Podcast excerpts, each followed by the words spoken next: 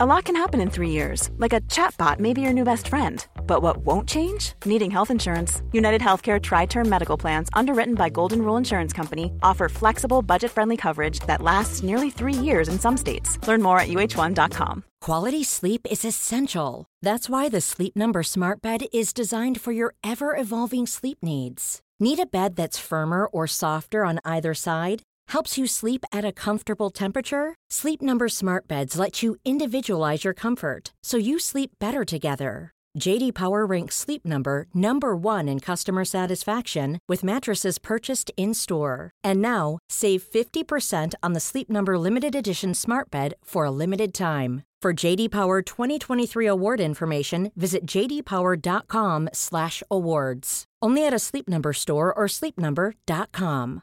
This is Paige, the co-host of Giggly Squad, and I want to tell you about a company that I've been loving, Olive and June. Olive and June gives you everything that you need for a salon quality manicure in one box. And if you break it down, it really comes out to $2 a manicure, which is absolutely insane. It's also so easy to get salon worthy nails at home with Olive and June. The difference between how your nails used to look when you did them yourself and now with the Mani system is a complete game changer. The best thing about Olive and June too is it's a quick dry. Dries in about one minute, lasts for five days, and full coverage in up to one to two coats. Visit oliveandjune.com slash perfectmani20 for 20% off your first system. That's oliveandjune.com slash perfectmani20 for 20% off your first system.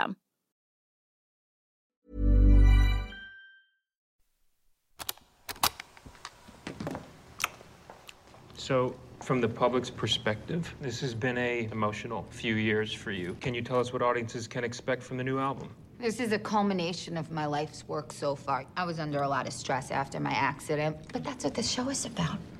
It's about rebirth. All filmmakers um, treat characters to talk about bigger themes. Only I've decided to be very direct about that. Det var stemmen til eh, Brady Corbett, amerikansk eh, filmskaper. Jeg har vært uh, veldig usikker på denne introen, fordi jeg så for meg at jeg skulle ta den på engelsk. Av naturlige årsaker, siden et engelsk intervju følger. Men det jeg tenker er at eh, de fleste som hører på denne podkasten, er eh, norske, fra Norge. Så hvis eh, man ikke forstår norsk, så får man bare finne ut hvordan man skal hoppe framover til selve intervjuet. Dette intervjuet skal handle om en god del ting, og en av de tingene den ikke skal handle om, bare så det er sagt med en gang, er løping. I dag snakker vi ingenting om løping. Eh, selv om vi helt sikkert kunne gjort det, så var det ikke det som sto på, på blokka i dag. Grunnen til at jeg snakka med Brady, er eh, av den enkle grunn at han er eh, min hva skal jeg si svoger. partner med søsteren til min kone. Så jeg hadde mulighet til å ta en prat med han om hans eh, siste film, som heter Vox Lux. En film som eh, har norsk premiere den 29. mars. eh, ergo denne episoden i dag i begynnelsen av mars. Hvis det er noen som er interessert i å vite litt mer om den filmen før jeg går videre, så skal jeg bare ta et tips umiddelbart, og det er eh, hører på en podkast som heter Montages eh, Filmfrelst. Episode jeg tror det er nummer 317. Så er de to gutta som jeg ikke husker navn på nå, i den podkasten helt eh, Ja, rett og slett filmfrelst på Voxlux, og de har vært i Venezia og sett den. Den hadde premiere på filmfestivalen i Venezia i fjor høst, altså 2018. Eh, og de mener det er en av de beste filmene de så hele året. Så det er sagt. Uh, det er en film som handler om uh, hvordan en popstjerne på en måte blir født. Samtidig så handler den om veldig mye annet også. Egentlig så er det på en måte en, en film som er en kommentar til dagens kultur. Ikke bare popkultur, men på en måte hvordan vi forholder oss til uh, hva vi ser, og hva vi leser, og hva vi hører, og om å bli berømt, og om å ha et uh, indre liv versus et ytre, om å ha om å være en mørk person, om å være en fortvilt person, om å oppleve noe traumatisk som gjør at man uh, gir liv til noe nytt. Det er rett og slett en, en, film som er en kommentar på livet og kulturen uh, vi lever i dag. Um, jeg så den uh, under Stockholm Filmfestival i høst. Uh, full sal. Uh, Brady Corbett var der og presenterte filmen, og han svarte på spørsmål etter filmen. og det jeg kan si, er at etter å ha sett denne filmen, både mitt personlige inntrykk og hva jeg har lest og filmanmeldelser og hørt hva uh, filmbloggere holdt jeg på å si, på YouTube sier osv., så, videre, så er det ikke noe eh, ensidig måte å se denne filmen på, for at den gir ingen klare svar, og det narrativet den spinner, er ikke det narrativet vi er vant til at filmer har i dag. Eh, men ikke, det gjør den ikke mindre interessant. Det er kanskje slik som Brady sier, at han Eh, vil på en måte at det skal være litt som en drøm etter å ha sett filmen, hvor du lurer litt på hva var det som skjedde der, og hva betyr det, osv. I motsetning til en drøm, så kan man faktisk gå tilbake og se en film på nytt, og det har jeg nok planer om å gjøre med denne filmen også. Uh, Brady Corbett brukte 22 dager på å skyte denne filmen, og det er jo sånn at når du produserer en film, så har du en viss tid og en viss uh, mengde penger og uh, tiden til disse menneskene uh, på å gjøre det, og det er Så selv om 22 dager høres lenge ut, så er det en veldig kort periode å skyte en film på. jeg har kjent Brady noen år, så jeg har på en måte fått med meg hvordan han jobber for å lage film, hvor mye som må til eh, i forkant. Selvfølgelig er alt dette å skrive manus og samarbeide med andre osv., men det er det å skaffe penger som jeg tenker er eh, vanskelig. I hvert fall i det klimaet som han lever i, som er i USA, eh, i New York. Han vil ikke være en del av eh, filmindustrien i Los Angeles. Så eh, selv om dette ikke er en, en samtale om løping, så er det, slik jeg ser det, helt tydelig at det du trenger for å være en filmskaper som lager noe på det nivået der, det er den samme utholdenheten og styrken som du trenger for å løpe en maraton. Eller et ultraløp, eh, vil jeg si. Um, så det eneste jeg trenger å si nå, er uh, at det, denne samtalen er på engelsk. Den er ganske lang. Den er like lang som filmen varer, i underkant av to timer. Uh, vi spilte inn dette like før jul i fjor, uh, i vår uh, felles svigermors skrivehytte på Nesodden. Takk, Marianne Fastvold, forfatter Marianne Fastvold. der satt vi mens resten av familien gjorde jula klar. Uh, jeg har venta med å slippe dette intervjuet til nå, og det som slår meg litt uh, når jeg hørte det igjen, er at det er på en måte en av mine utforskninger av den amerikanske kulturen, uh, og politikken for så vidt. Som begynte litt med det intervjuet jeg gjorde med Sid Garza Hillman, og nå med Brady, Brady Corbett, og et intervju til som kommer litt seinere med en amerikansk uh, fotograf. Um, som kommer eh, om en stund. Uh, så det er ikke noe mer å si nå enn It's a weird world we live in. And the way I've chosen to live my life. Please don't follow me. Goes against some people's views on things. Do you mind if I get a quick picture with you? Brady Corbet, uh, thank you for sitting down with me. It's been uh, quite some. Uh, I planned this for a long time. I uh, tried in New York, but uh, this summer, but that was some really busy days for you. You were uh, finishing your film, and uh, we tried again in Stockholm. At least I had an idea that I was going to do it, but of course, way too busy. Also, you had a quite a busy year. Yeah, it has been a long year, but it's over now. I mean, the film came out uh, two weeks ago in uh, in uh, in the states, and, uh, and now I think I have to travel a couple of times next year for European releases. But uh, I'm I'm pretty much done. Yeah. And how many festivals have you been to this uh, fall? We went to Venice, Toronto, London, Denver, Austin, AFI, uh, and which is in Los Angeles, um, and Lisbon, Stockholm. Yeah, it's been it's been all over the place. But I I mean, the thing that's good about if you premiere a film at Venice in September is that you're usually done with festivals by the end of the year. If you premiere a film at Sundance in January, you can be traveling with it for a year as opposed to 4 months. Is that because of the Academy Awards or? It it's because um it's just because of where the festival falls in the calendar year. I mean, basically, uh, um, if you premiere your film uh, in in uh, in Cannes, uh, which is in May, uh, then you are usually you know busy promoting it for eight or nine months. Um, but when you when you especially because we we premiered the film in September and then we released it in the states in December, so, which is a pretty short window, um, uh, which is nice because it took so many years to make. So I was happy to to wrap it up as as quickly as possible.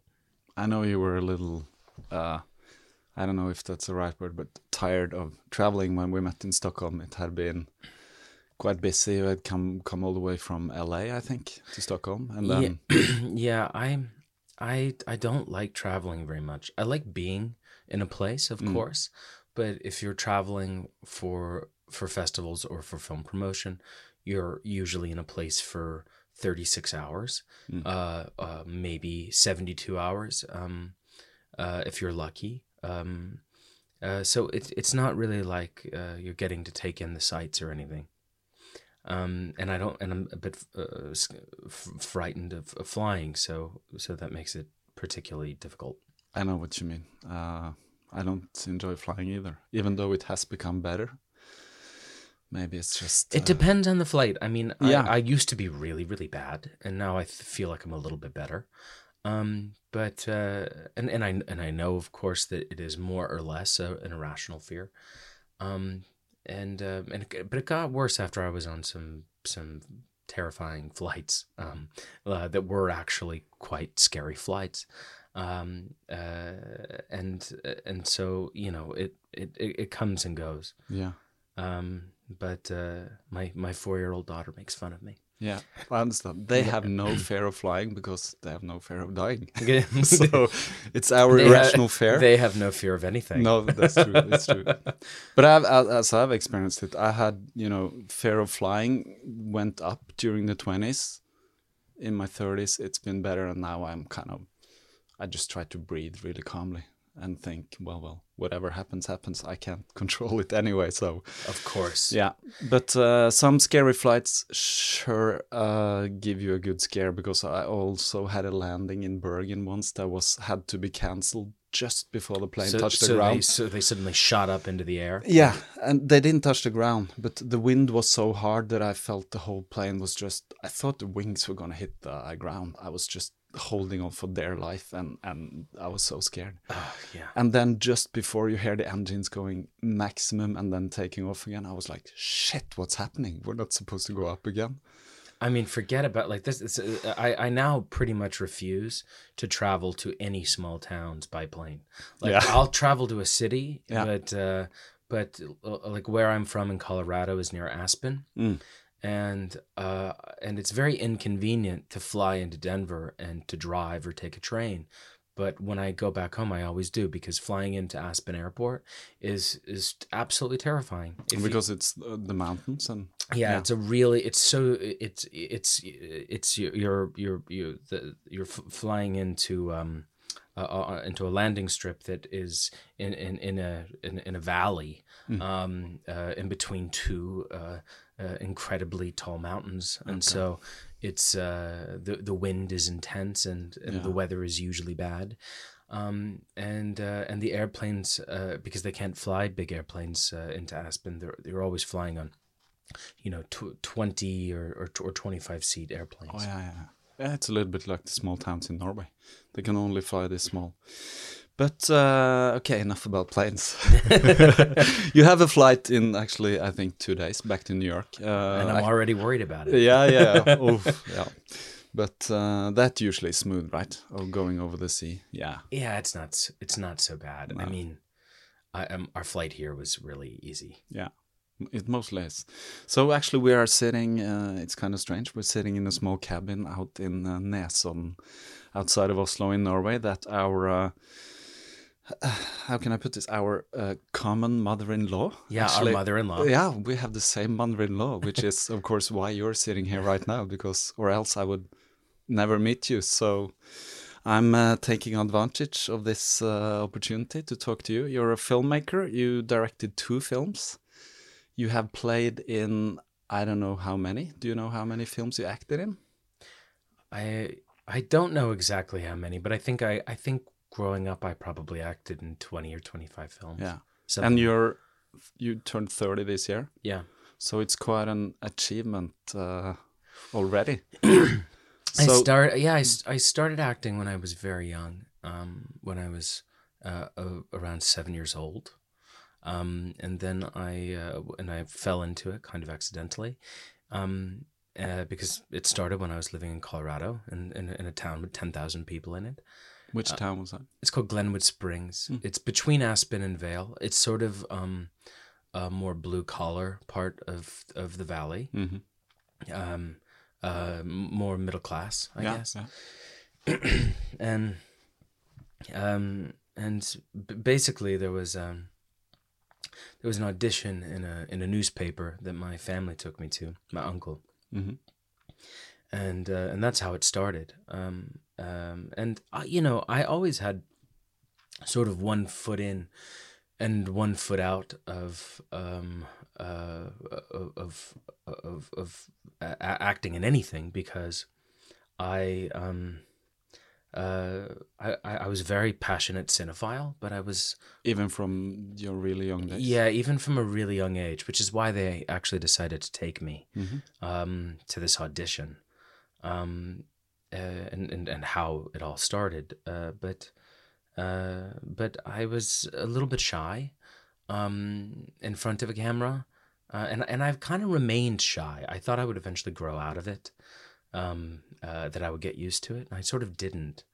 Um, I mean, there's so, and uh, especially because you know, g- growing up as an actor, I knew a lot of other actors, and uh, and worked with a lot of other actors, and who you know had this sort of natural uh, ability to perform and really enjoyed it. You know, it's like a a, a comedian that gets really satisfied from getting a laugh or something. Mm. Um, and so, uh, but but that said, I I really enjoyed the process uh, a lot. So you were interested in that even from Yeah, from, even from a, I, I think I was especially interested in that when, because I did my first film when I was 12 Mhm. and I was before that you were in place like stage. before that I, I had been on in in television shows and commercials. I had almost um uh done several films, like I'd screen tested for several films. Um, because basically what I was doing is that I uh, I, I, I, I I got an agent from a very young age from this first audition that, that I went on as a kid. Um, I, I got a, re- a rep. Um, and then, you know, in the very beginning, I was just, um, uh, this agent would, you know, say, hey, put yourself on tape for this thing that they're casting in Los Angeles or New York. Um, they're looking for a kid between seven and 10 years old. And so I, I did that for a while. And I would always get kind of far along. Um, uh, so after a while, it seemed like maybe I should take it a bit more seriously. And then um, uh, I had a single mother and I was an only child. So we would go out to Los Angeles uh, for um, a couple months uh, out of the year. Um, uh, and I would audition for different projects. Like in your holidays uh, between the school years? Not it was it was usually during the school year because there's a the the, the most uh, popular time for actors from out of town to come to Los Angeles is during pilot season, which is when all of the television shows. I don't know if it works this way anymore because I feel like the television show schedules and stuff have changed so much since Netflix and the way that streaming works. Exactly. But but it used to be that projects were casting in February, March, and April primarily, um, and so we would go out uh, to Los Angeles for either you know part of February and all of March, or all of March and part of April, and um, and I would uh, uh, go on many many uh, auditions. And um and and uh, pilot season the focus is television but there's quite a lot of films that are happening at the same time. So you were usually going on two or three auditions a day. It's um, a full time work. It was and it, you know it, i i was the thing that was quite good about it was that i wasn't too hard on myself about it because uh you know i i, I didn't really have anything to compare the experience to. I didn't have anyone in my family that had ever done anything like it. So they weren't like your family just pushed you, or your mother was like, yeah that I've gotten the impression of I- that it's somehow with someone in, in Los Angeles or wherever that they want their daughters or sons to become actors, so they're doing everything. to Totally. There's, I mean, uh, stage parents are a real thing. I would say that the majority of of uh, of parents of child actors or and, and performers um, are stage parents um, that sort of live vicariously through their kids. Um, no, my, my my mother was a little trepidatious about it because she had worked in Chicago uh, at an ad agency, and so she had seen a lot of child actors coming in the door and was a, a little disturbed by the scene. um, but she also, you know, it was the only thing um, other than, you know, I was I, I, I read a lot. I was a really avid reader as a kid, but it was the one of the only things I was really showing a great deal of interest in doing. Um, I, I wasn't really um, participating in a lot of sports other than snowboarding, uh, which um, Which is natural for where you grew up. yeah, exactly, exactly. I grew up in the mountains, so. Um, but but even that was a pastime. It wasn't really a, it wasn't really a passion. No.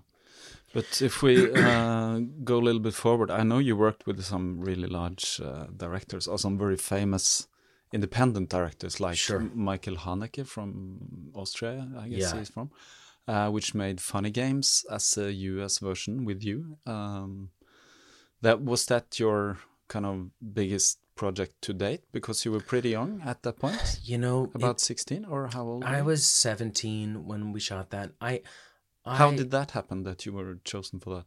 Um, you know, I met Michael Haneke at a screening of uh, The Piano Teacher when I was 12 years old in Los Angeles at the Egyptian Theater. And um, uh, Because you had an interest in his films, or Yeah, you knew about yeah, them. yeah, That's, that's a very young age to be. uh, it, yeah, it, it, yeah. it was. I, I couldn't tell you what brought me to to see to see um, this retrospective of his work the Egyptian at that age. But I was very passionate about his films, and there was there was one film of his in particular called Code Unknown that I was very very passionate about. It was his first film in France. Uh, I think it was his fifth or sixth feature film, because before that he had uh, been directing television for many years. Um, but but anyway, I I basically found out, however many years later, that he was doing um, uh, a U.S. version of of, of Funny Games, uh, which he had made in the '90s in Austria, and I immediately reached out about it. I, it turned out that the woman who was casting that film was one of the first casting directors that I had ever um, uh, been in front of when I was seven years old. So she knew me since I was that young. Um, and and jo- her name is Johanna Ray, and Johanna Johanna cast for David Lynch. Uh, I mean, a lot of different people. She's she's kind of a character. Um, and and so anyway, I I I, I went and I, I I I I sent a letter to Michael, and I sent letters to a few people that were involved with the project, saying I you know would love to be involved with the project in one way or another. Didn't really matter how. Um, uh, uh, so I, I mean, I was really willing to come and be a production assistant or something Yeah. on on on set, and so um, uh, but but it turned out I didn't have to do that because after I did the screen test or, or I did this um, uh, audition for Johanna Ray, um, I, I I think a couple of days later, um, I uh, got a call saying that that uh, that I had the role, which was very unusual because normally there's a very long, tedious process of meeting with the director three or four times before they they tell you anything. Mm. And being one of several, maybe. Yeah, exactly. yeah. Um, this was this was very fast, like surprisingly fast. So, then um, I, I was living in Los Angeles uh, that year, and um, the film was shooting in New York. So I moved to New York with that film. I, I was I'd been living in LA for uh, about three and a half years, and I didn't I didn't ever particularly like the city.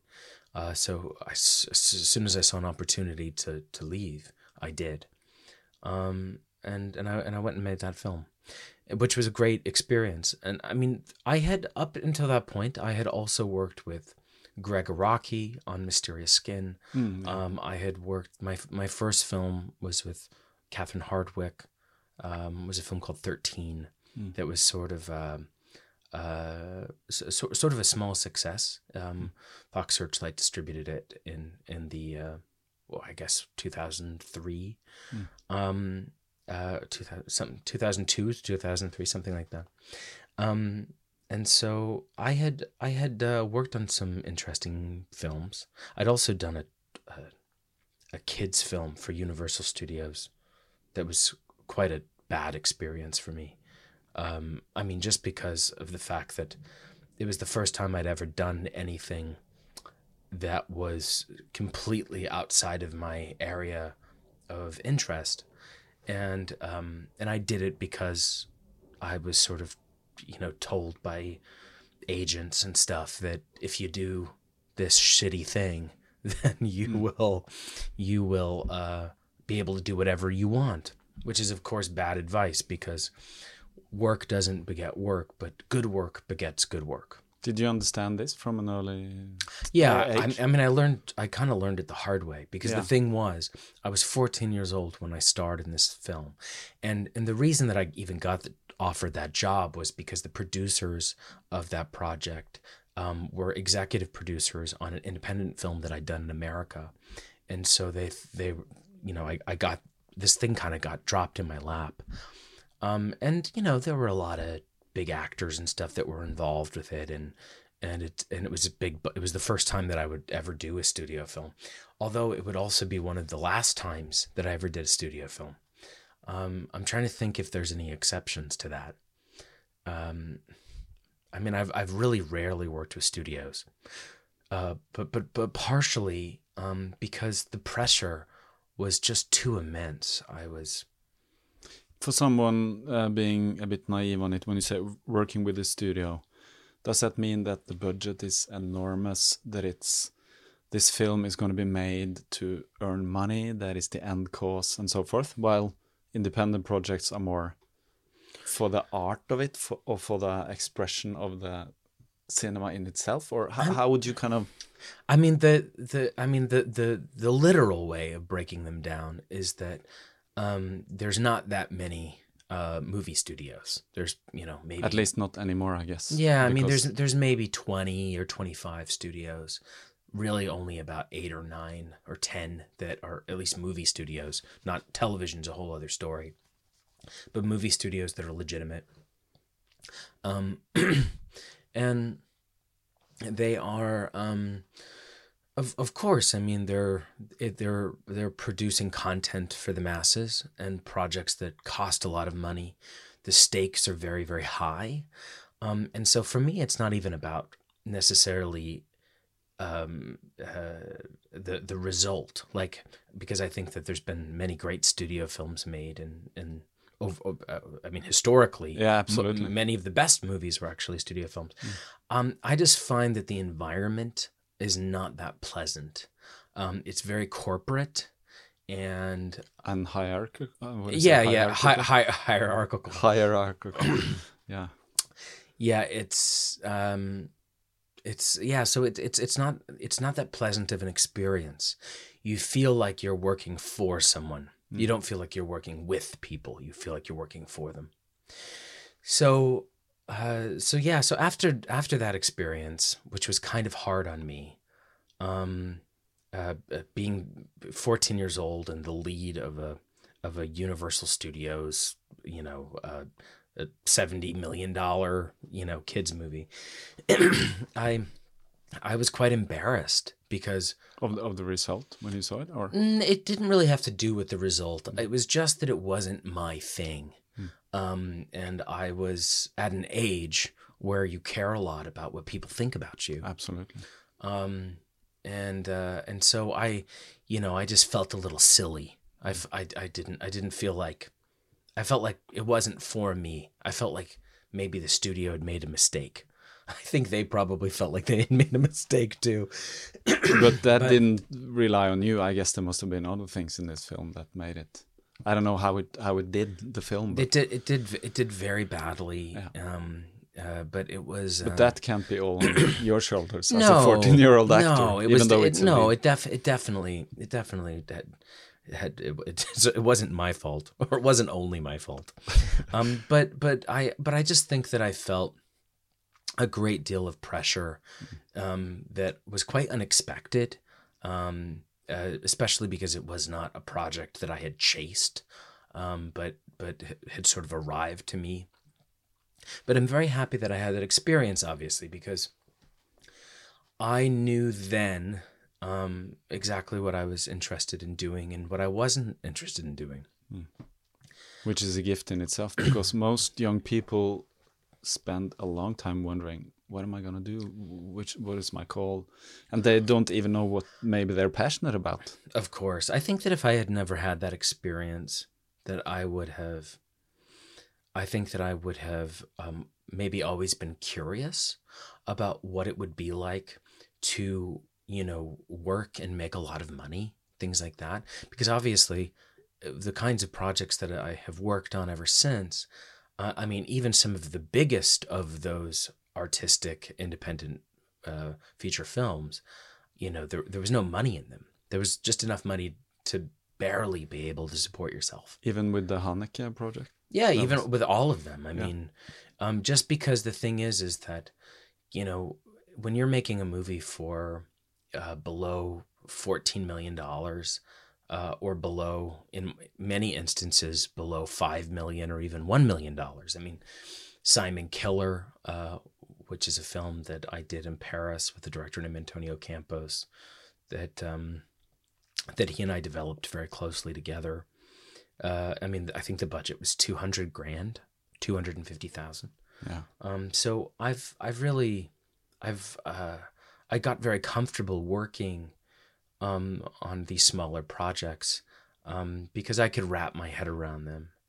Um, and, maybe feel like you own them more? It was more of a yeah, I think that I think and i guess the environment must be very different on a small and, and, budget. and then and then it also just so happens that there's very few um, uh, great filmmakers that are you know making movies for a hundred million dollars, um, because great filmmakers tend to um, uh, have a, a very individualistic sort of approach, um, which is what makes the projects visionary. As soon as you have 30 people involved with making a decision about what the lead actor or lead actress wears or what kind of an accent he or she has, things like that. Um, you know, Gets it gets watered down pretty quickly. yeah There's there's uh, you know some incredible exceptions, um, but they are definitely few and far between. yeah I mean, for me, I think one of the best films of this last year was Mission Impossible. I didn't see that. It's great. I mean, Yeah. it's very impressive. Um, it's very What, silly. what makes but- what makes very, it very impressive? Uh, There's just um, it, it it feels like a director's movie. Mhm. Like there's great action sequences, great sound design, Hmm. really th- just a really thoughtful um, action movie. hmm. The- we're talking about the last one with Tom Cruise, where Yeah. actually they played something in Norway on the west coast Yeah, on the um, yeah, that's right. Or- yeah, yeah. That's right. There was a lot of fuss about that, of course, in Norway. Oh, Yeah, coming sh- here. sure. Yeah. Yeah, so he, but but any anyway, you know, I mean, uh, in general, most great filmmakers are working for you know in the range of five to maybe twenty million dollars. Um, there's a few people that are you know like the Paul Thomas Andersons of the world are making movies in the thirty million dollar range, um, maybe all the way up to about forty five or fifty. I don't really know. Um, And they earn all those money back in, in sales? In, I don't really know. No? I don't really know. I mean, the the, the truth is that f- film financing is not that transparent. No. Um, because it's very difficult to know. Like, so let's say that if the budget for your project is ten million dollars, you know, you're shooting it in a place, hopefully, that has a tax credit. So you're not trying to raise ten million dollars. You're trying to raise whatever the, the, the tax credit, you know, uh, uh, uh, uh, What's- what, what what does the, that what, mean, what's left. credit? The Yeah. ta- tax credit being that if you have uh, a thirty-five percent um, uh, tax credit on a ten million dollar movie, Mhm. then you'll get three and a half million dollars back on Uh-huh. that project. Yeah, yeah. Um, therefore, you're trying to raise between six and seven million dollars uh, equity. Uh-huh. Um, so, in terms of people making their money back, Hmm.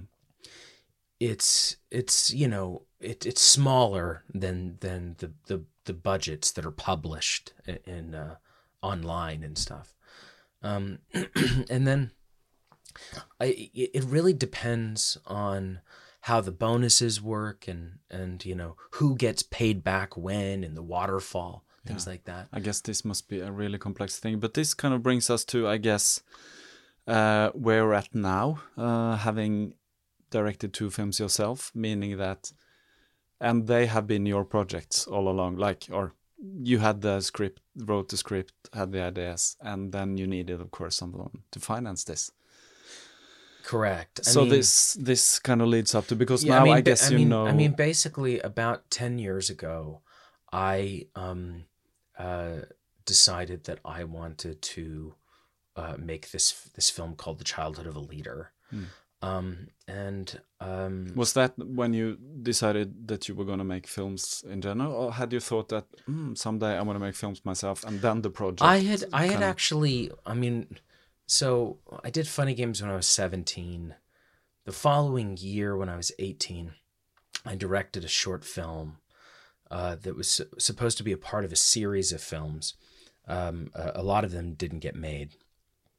But um but but this this first one uh, was shot by a cinematographer um, uh, called Darius Khondji, um, who's a, a great DP. He he shot Funny Games. That's where I met him. He and I had become uh, He's European? became friends. Yes, he's French, and um, and Darius had shot Seven for David Fincher. Oh, that's correct, City of the Lost Children. Um, yeah. uh, all sorts of uh, uh, iconic, beautiful movies. Mm.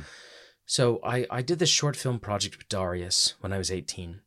And um, and then the, the that that short film was essentially rejected from every film festival um, uh, uh, around the world, except except um, uh, the London Film Festival.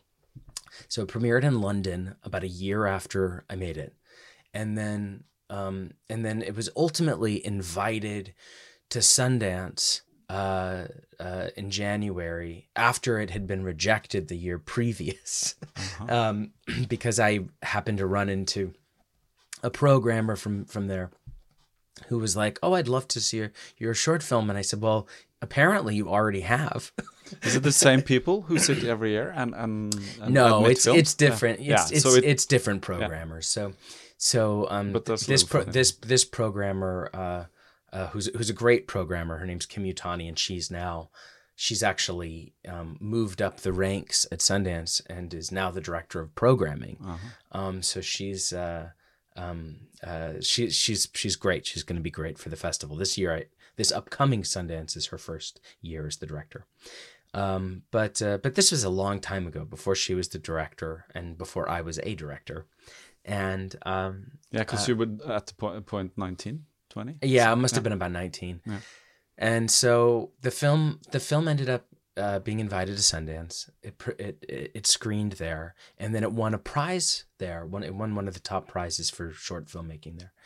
Um, and then I after that I was working on the other uh, uh, episodes because there were supposed to be uh, se- se- several parts. I moved to Paris for a little while to work on on these um, these other sections uh, that uh, uh, eventually never got made.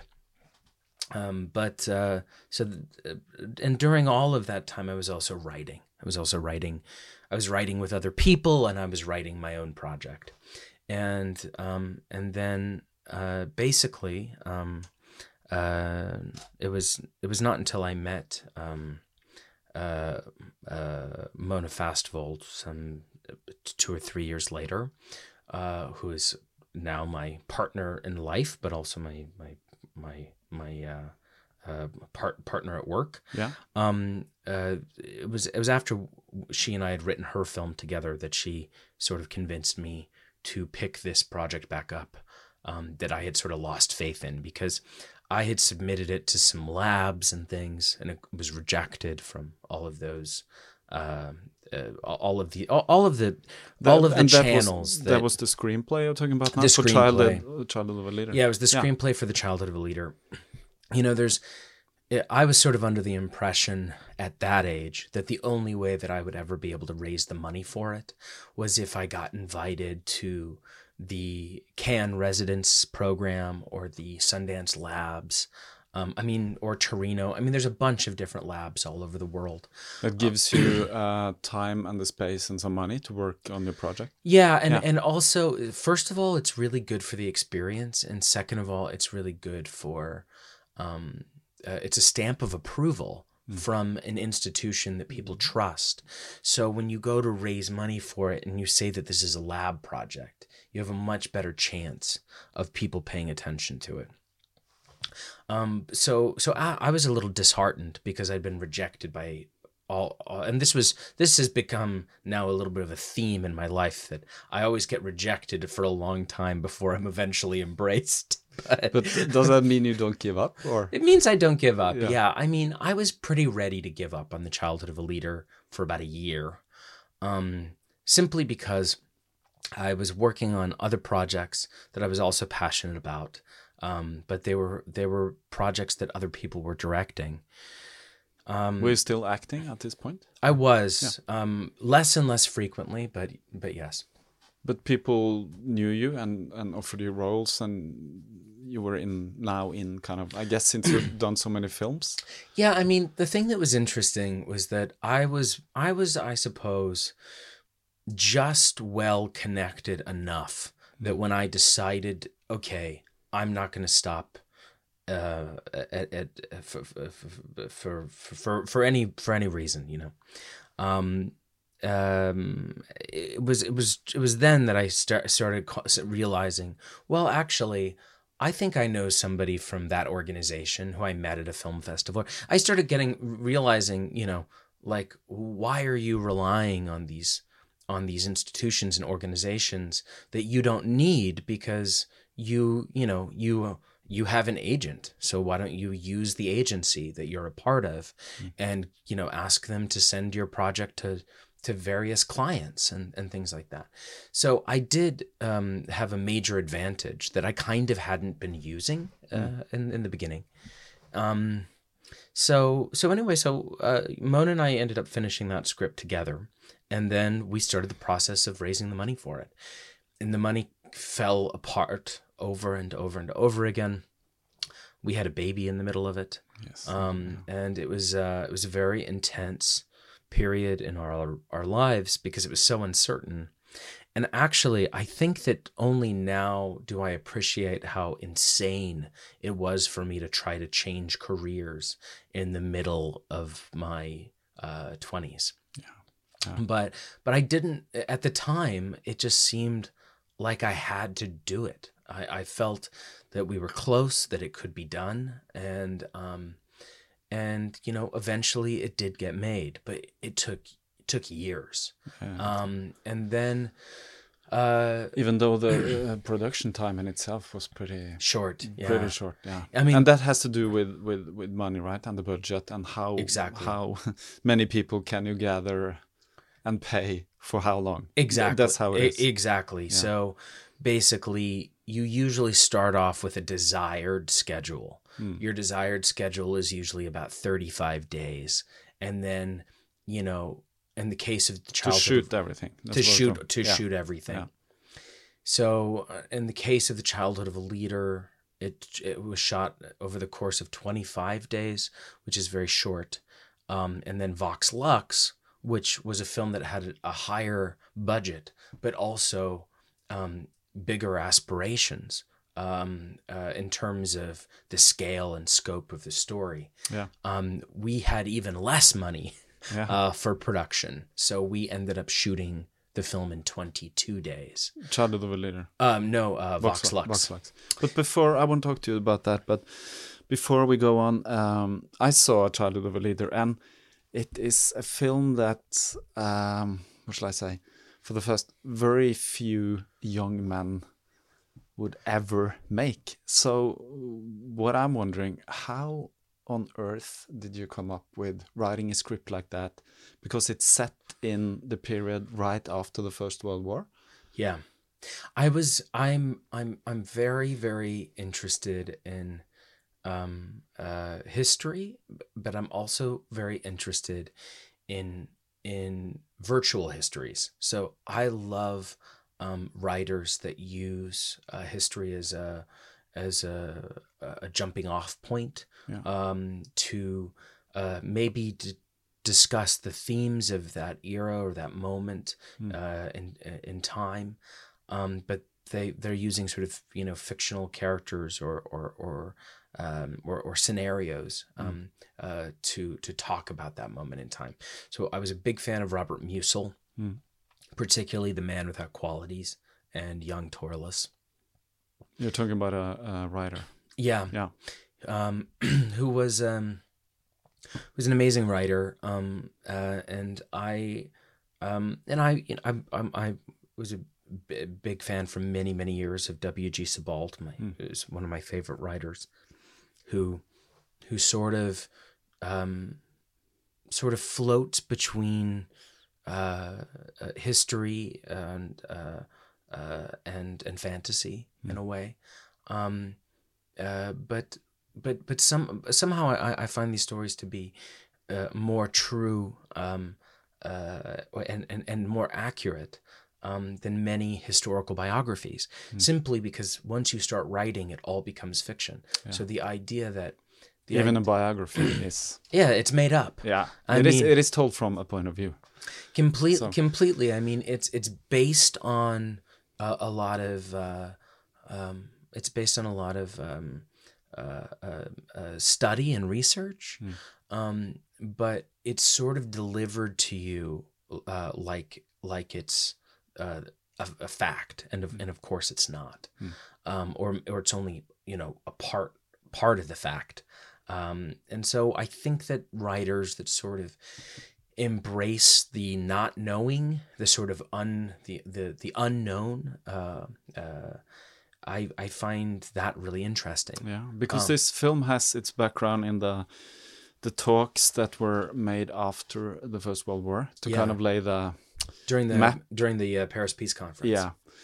But then it spins off uh, kind of it, it's about this young boy, um, and he definitely has a very special psyche, or he's a very special boy.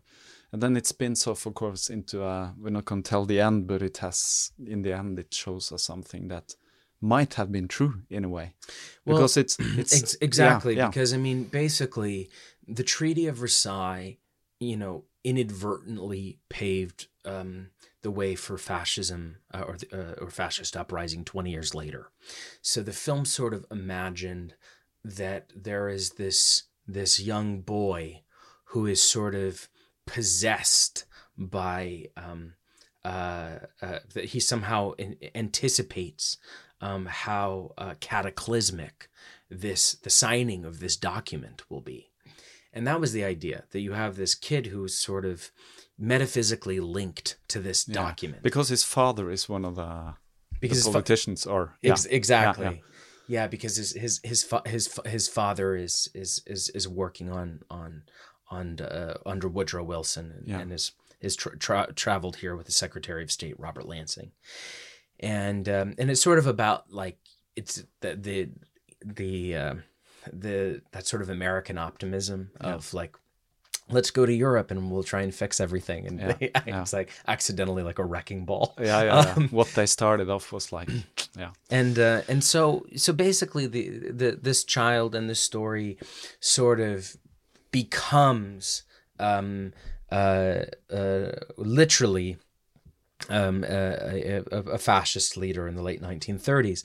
However, it's all sort of a virtual history because, of course, there were no half French, half American boys that were that that you know um, uh, ever uh, ran a totalitarian uh, government at any No, point. no, no. Um, but but the idea was that you have this character that is sort of an amalgamation of all of those real life personages, and so when I was done with that, I um, uh, we the, the film premiered in uh, at the Venice Film Festival, which was the only festival that uh, I remember we got rejected from from. Uh, uh, the film wasn't ready in time for Cannes, but it was rejected from from other festivals. Um, and this was a pretty high budget film that you have spent years in making, and yeah, I mean, it was this had to be shown, right? yeah, it was it's a, like- it was a it was a four million dollar budget, which is quite a lot of money. Yeah. Um, and uh, I mean, it was not enough money considering the ambition of this period piece. But it no, was, but because it- this film is a period piece, and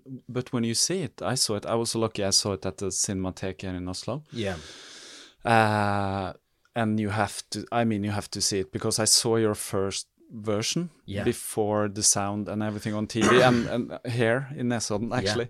And then it's very hard to get something out of it. But when I saw it at its full scope with the sound, with the pictures that are really well photographed by um, Lol Crawley, is that his name? Yeah, you're, uh, I must say it's very it's a very impressive film for a young man to make. And Thanks. Yeah, Yeah. I I mean, I think that I think the thing is is that both both childhood and Vox Lux are supposed they're they're sensorial films. I mean, they're films that you kind of um they kind of appear to be character studies that um that that are very very quickly you start to realize are not normal character studies. I mean in the sense that they don't really establish uh, a, a, a nuanced psychological profile um, that the characters sort of represent um, a sort of facet of of uh, of of of of the culture or the moment in time. mm, why do you think this interests you? I don't know. Um, it's a good question. I feel like I have always treated characters like um, uh, avatars for something else. And instead of being, which here's the thing, I think that, I think almost all filmmakers um, treat characters to talk about bigger themes. Hmm. Only I've decided to be very direct about that. So instead of sort of burying the theme very, you know, deep into the fabric of the picture, then the films are only about what they're about. So every scene is about uh, this theme. And there's a kind of strange, of- otherworldly kind of uh, effect where, you know, the, the you, you know that every single piece of dialogue means something or or it's for something. So when the audiences uh, are you know watching the films and this is the, this is one of the reasons that it's important that they have to that they kind of are seduced by the experience of watching them hmm. is that um, is that they they they sort of don't work their magic. If hmm. they if you don't have it's hard to engage with the films in in the way that you do most other films because most other films you sort of fall in love with a character or you you know you you get you, you fear for their safety or the, there's there's a strange detachment Yeah. in both Vox Lux and and in, in childhood the the the characters are just characters like they're not real people and the movie doesn't treat them like real people. And so they they kind of have they kind of feel like aliens. And and um and uh, which is something that I really encourage. I mean, part of it is in the rhythm of the text, um, uh, and then and then the other thing is, you know, I always just ask the the actors not to indicate anything for the audience.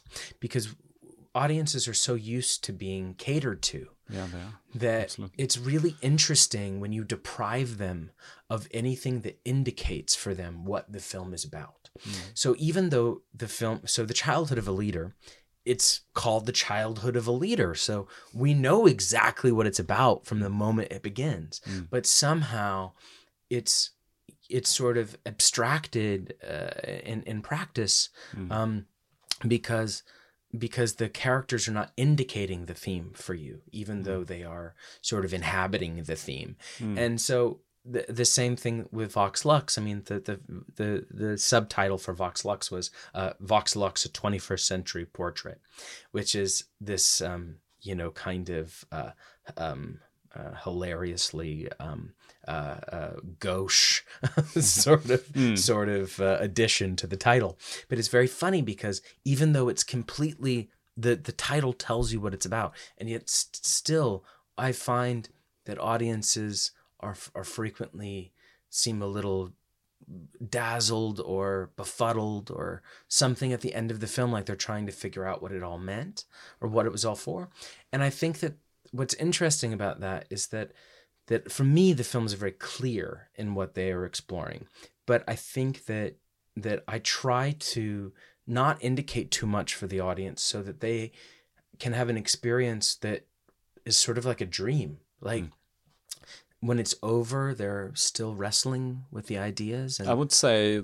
that happened to me with both those films.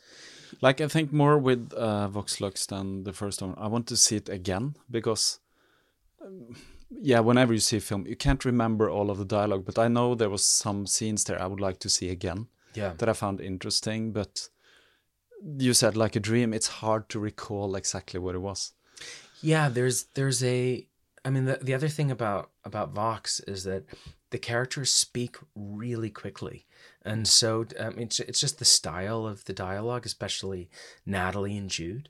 Um and and there's a lot of um Yeah, when, when yeah, tell me a little bit about because this is at this point we're sitting here uh, end of December. Uh, it premiered in uh, Los Angeles, New York, but has it uh, like officially premiered? It did. It opened two weeks ago. Yeah. Um, it opened. Uh, uh, it opened in six cities, and then it went to 300 a week later. Yeah. So will it play in Norway? I don't know. I'm pretty sure yes. Yeah. I'm pretty sure yes because I know that it has has a uh, Swedish distributor. Yeah.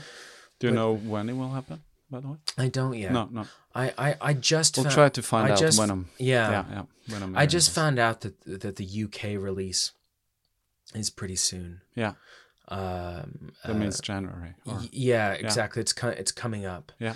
So But tell us a little bit about Vox Lux. Uh, this is a pretty, I would say, impressive movie. Uh, you have some great actors. You have Natalie Portman, which is she's fantastic. You have Jude Law. yeah. These are actors that are kind of I I don't know. Are they like hard to get? How did you did you have them in mind, or how how does this work?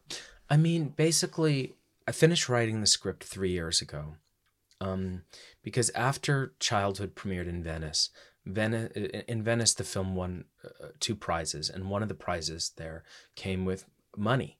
Yeah. So I used the, um, I used that money, um, basically to not take any other work for six months, while I wrote the script, and um, and we also we also just used it to move back to New York and get settled again. But uh, so so I wrote Vox, Vox very quickly. But you had the idea.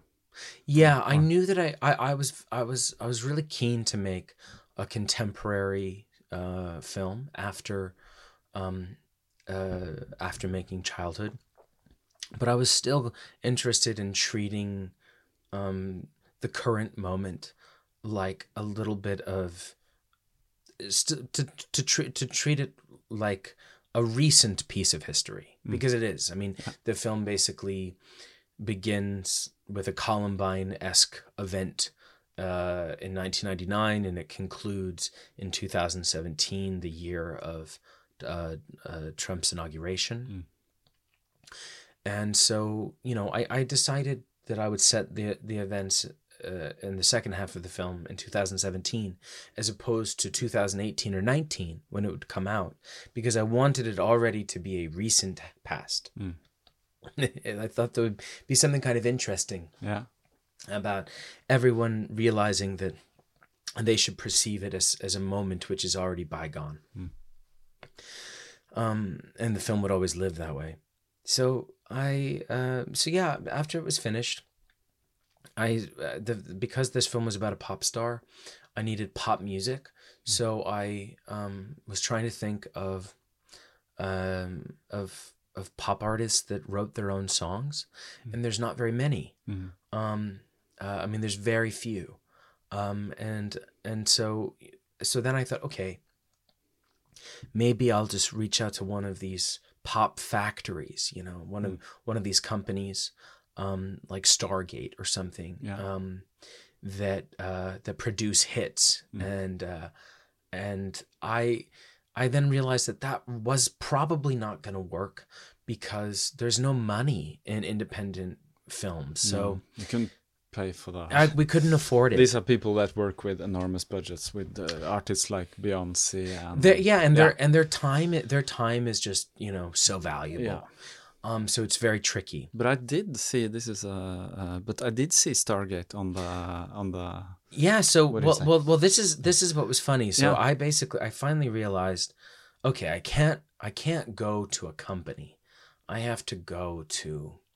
I have to, uh, and I, you know, I, I, I never even bothered reaching out to Stargate or Max Martin's company, or you know, there's, you know, I, a million different companies, companies based in Los Angeles. I decided not to even bother reaching out because I felt that I knew how much attention they would be able to pay to something like this was probably going to be very small. And then suddenly I, you know, just had this sort of epiphany about Sia because Sia had written so many songs for other artists, for Rihanna, and I mean, all sorts of artists. And, um, and, uh, but also writes all of her own music. Um, she writes music for herself and she also writes for other artists. And then on top of it, I was like, she's also this sort of faceless artist. So I was like, that's kind of interesting because then it means that the character's songs can really be the character songs, mm. as opposed to if it was somebody like Madonna, mm. where you go, oh, that's a Madonna song, but it's somebody else, you know, mm. Natalie Portman singing it. So I thought that Sia was really an ideal fit. And I reached out to her. Um, uh, I wrote a letter to her and, and um, the company uh, that she works with. And, you know, uh, to my incredible surprise, uh, uh, she was open to doing it. Um, and then, you know, so I was like, okay, I, I have a, I have a- a pop star partner. And then I started casting, trying to figure out who, who could play these roles. And Jude Law came on very early on. And then the, the role that, uh, uh, that Natalie was supposed to play, um, there was another actor that was attached to it. And then the project kept, at that time, Natalie was, was pregnant. And so she was totally unavailable. And, um, and so, I I spent a year putting the project together, and it was coming together very quickly. We got the financing very quickly, which was kind of surprising considering what the film is about. And I mean, it's it's it is about a pop star, but it's also about mass shootings in America. Yeah. so, so it was Which, yeah. very. It was kind of a difficult pitch. Uh-huh. Um, but I had a really strong sense of what it should be or what it could be, and how powerful it could be, um, and unusual. And so, um, so I put it together for a year, and then the money fell apart. Uh, Meaning that somebody pulled the financing, or Yes, I mean basically the the company that was working on the project decided not to greenlight the movie um, at that time for um, what I could only describe as mysterious, unknown reasons to me. Um, um, you know, it's always complicated with these things because somebody can tell you the reason that they're pulling out is one reason when in fact it's another reason entirely. So, you know, we had been working on the budget for many months, me, my line producer, and producers. And every time we would turn in a budget, that budget, for one reason or another, would not get approved by the financiers. Um, and so uh, basically, we played this game for about eight weeks until finally, um, you know, we spent weekends and overnights trying to pull money out of the budget any way that we could. Um, but it was very difficult um, to to pull money out of it because it, it, you're representing a very expensive universe. Like, you know, you know the the costumes are expensive and the and Locations the locations are expensive because there's you know sequences in five star hotels hmm. and when you shoot in a five star hotel it's just like staying in one. Hmm. It just means that you're you're paying for the entire floor hmm. instead of just one room. So um so imagine. so basically the the project fell apart i sort of managed to get it back together seemingly uh, a few months later and then um, the the actor who was playing the the main role at that point dropped out um, and because they have their timed schedules, right? well, that's the problem yeah. is is that everybody, you know, even if people really want to Mm. work on your project, they they can only wait around for so many months waiting to see if you can get your money together. Mm. Um, because, you know, they could be waiting around for 2 years. Yeah. Uh, while you and, and they know that um, because they have of course been through these kinds of things before and my movies are particularly difficult to raise money for because they are very non-traditional narratives and they're very grand in scope Mhm. so um But a lucky accident must have been then that you had Natalie Portman. exactly well i mean this is the thing that was was uh, you know this is the thing you have to remember when you're making a movie is that when you're in the middle of it um, and and you keep getting terrible news. It's impossible f- to imagine a day where you ever might get some good news. And in our case, we even had really catastrophic uh, events after Natalie signed on. So I remember when Natalie signed on to the to the film um, because I, I heard that she became available, and I thought if anyone might do this, she might do this, and so we sent it to her, and, and she reached out to me a couple of days later to say that she'd read it and wanted to talk. So I was like, okay, great. And and then everything with Natalie moved pretty quickly. Um, she decided she wanted to do it, and and she really um, uh, dove into it. And then we, you know, got the show back on the road. Uh, some of the same actors, some different actors, um, uh, some of the same crew, some different crew, and we started shooting it or um, excuse me, we started preparing it. Yeah. So then we so so we started uh, uh, we prepared it for six weeks, and then a week before we were supposed to begin shooting, uh, the money fell out again. Um, now this was very unusual. Normally, once you have started spending money in pre-production, because at that point we were probably already around a million dollars uh, deep into the production because we'd already made costumes and we had already paid for things. Yeah. We'd paid for a production office.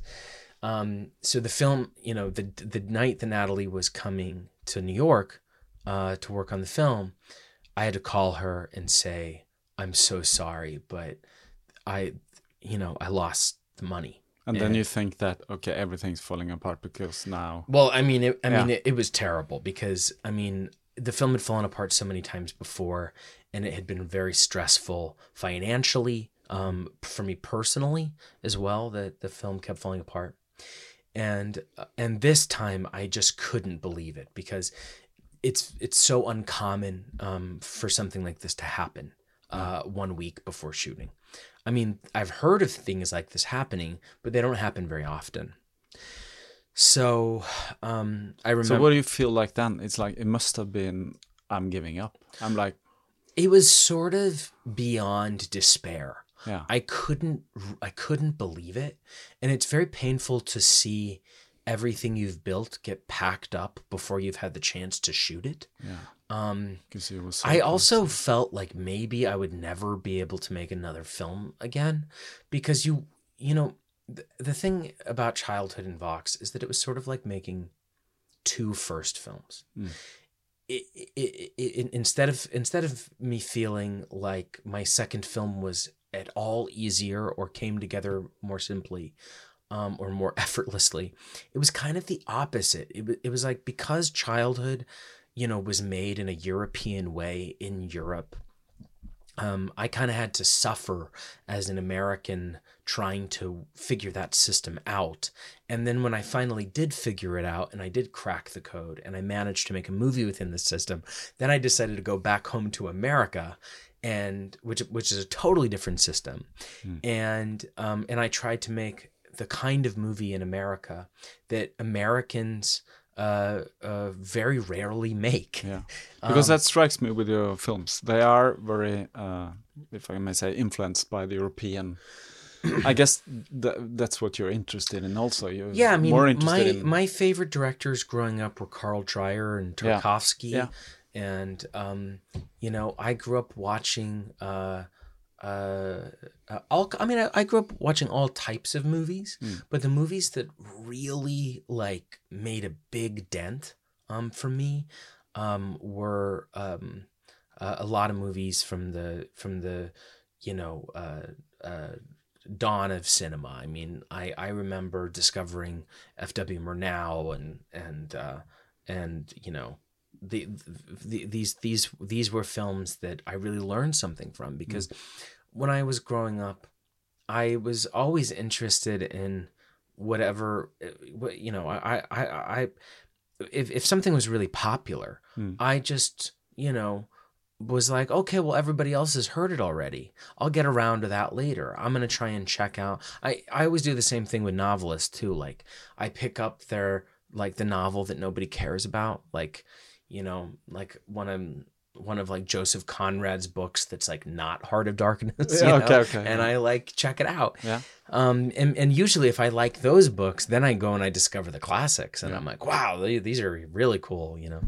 So It's a little bit like that with film as well. yeah, I, I guess I always was seeking out what was a little less popular or a little bit more alternative um, because I thought, well, it almost seemed like it might escape me Mm. if I never watched it or read it. Yeah. Like I needed to, I needed to like to to find it before it went away. Yeah. I, I little little did I know how many years ago that ever that was that now that actually is a problem.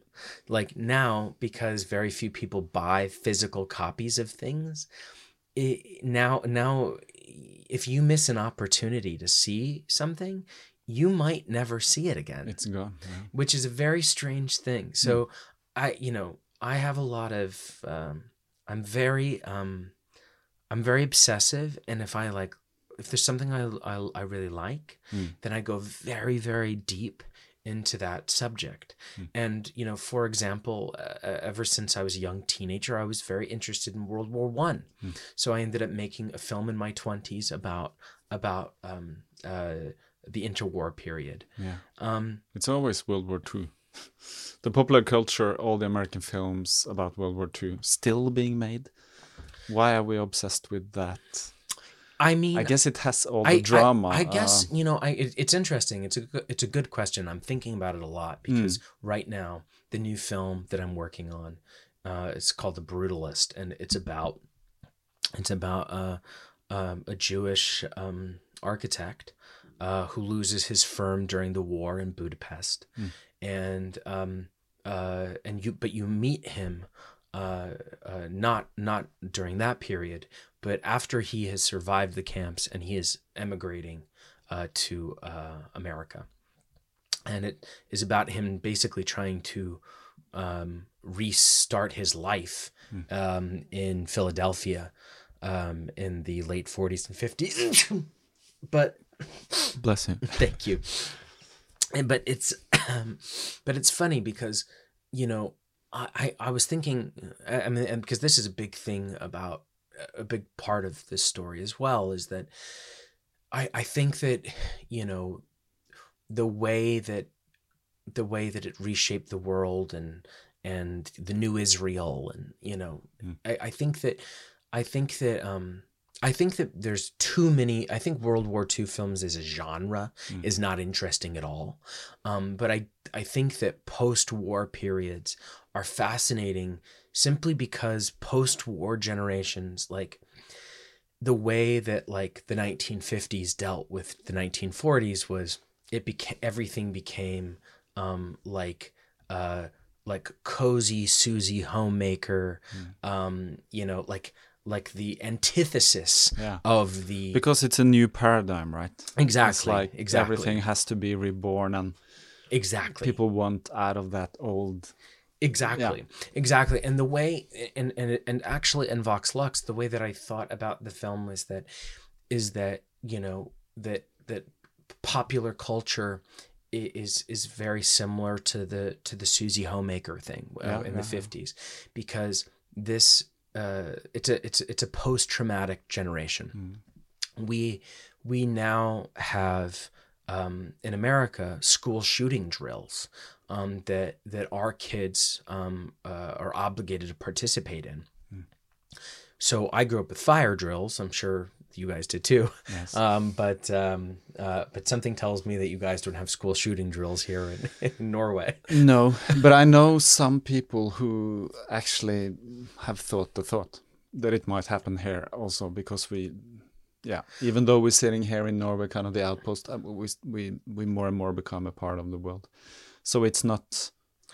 Of course, We are thinking the thought that it may happen where most people don't, but the world is changing even here. Of course, of course, and But uh, you're talking about America, and, And- we're but yeah, but everything but every everything is so extreme because it's Yeah. it's it's not as it's not as if Norway, especially after Breivik, has not endured incredible suffering. Yeah. Um, but it's processed that trauma Mm-hmm. in what what I perceive to be a much healthier way. I mean, we're speaking in generalizations, of course, Mm. but you know. I I have I haven't noticed a great deal of paranoia um, uh, or, uh, coming up in conversations here in Norway, and I spend a fair amount of time here. But in America, it comes up all the time. Um, and how how does it I- show itself? I Yeah. I mean, it is um, it is uh, like if there's like a, a, a loud noise, you know, like people will like duck for cover. Yeah. Because I Which is- expect someone is shooting. yeah, I mean, and, and and part part of it is because of how pervasive, uh, you know, uh, the, these issues are in the news cycle. But the other thing is that you know, there's been almost as many mass shootings this year as there were days in the year in in America. So you know, it actually is extremely common.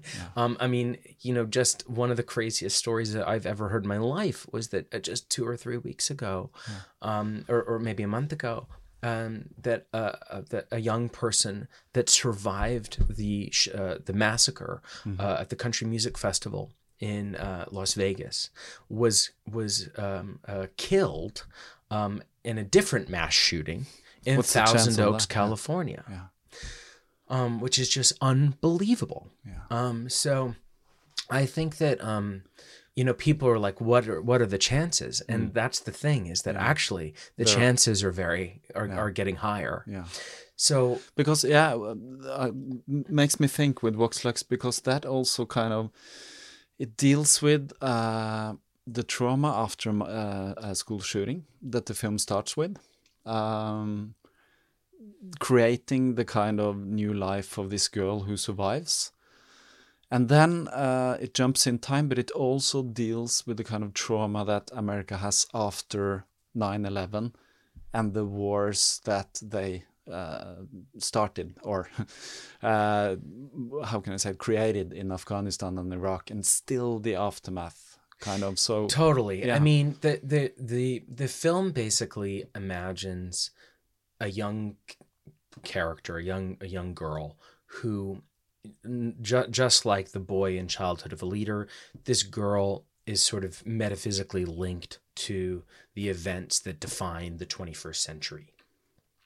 So, um, so basically, um, it's bookended by a school shooting in 9/11 in part one, and then in part two, the film explores the result of those two cataclysmic uh, events.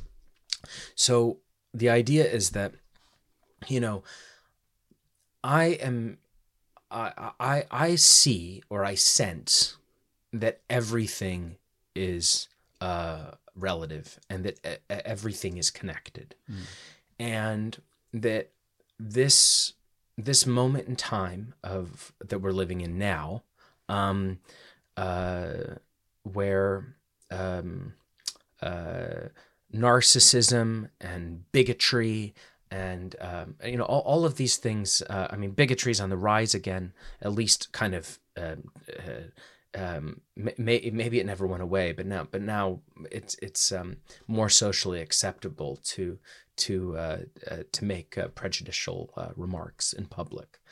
Um, and um, but you know the, the sort of mm, kind of uh, mob style thing that happens on Twitter, uh, where you you have this these kind of mob reactions of tearing people down. Sometimes they probably deserve it. Sometimes they definitely don't deserve it.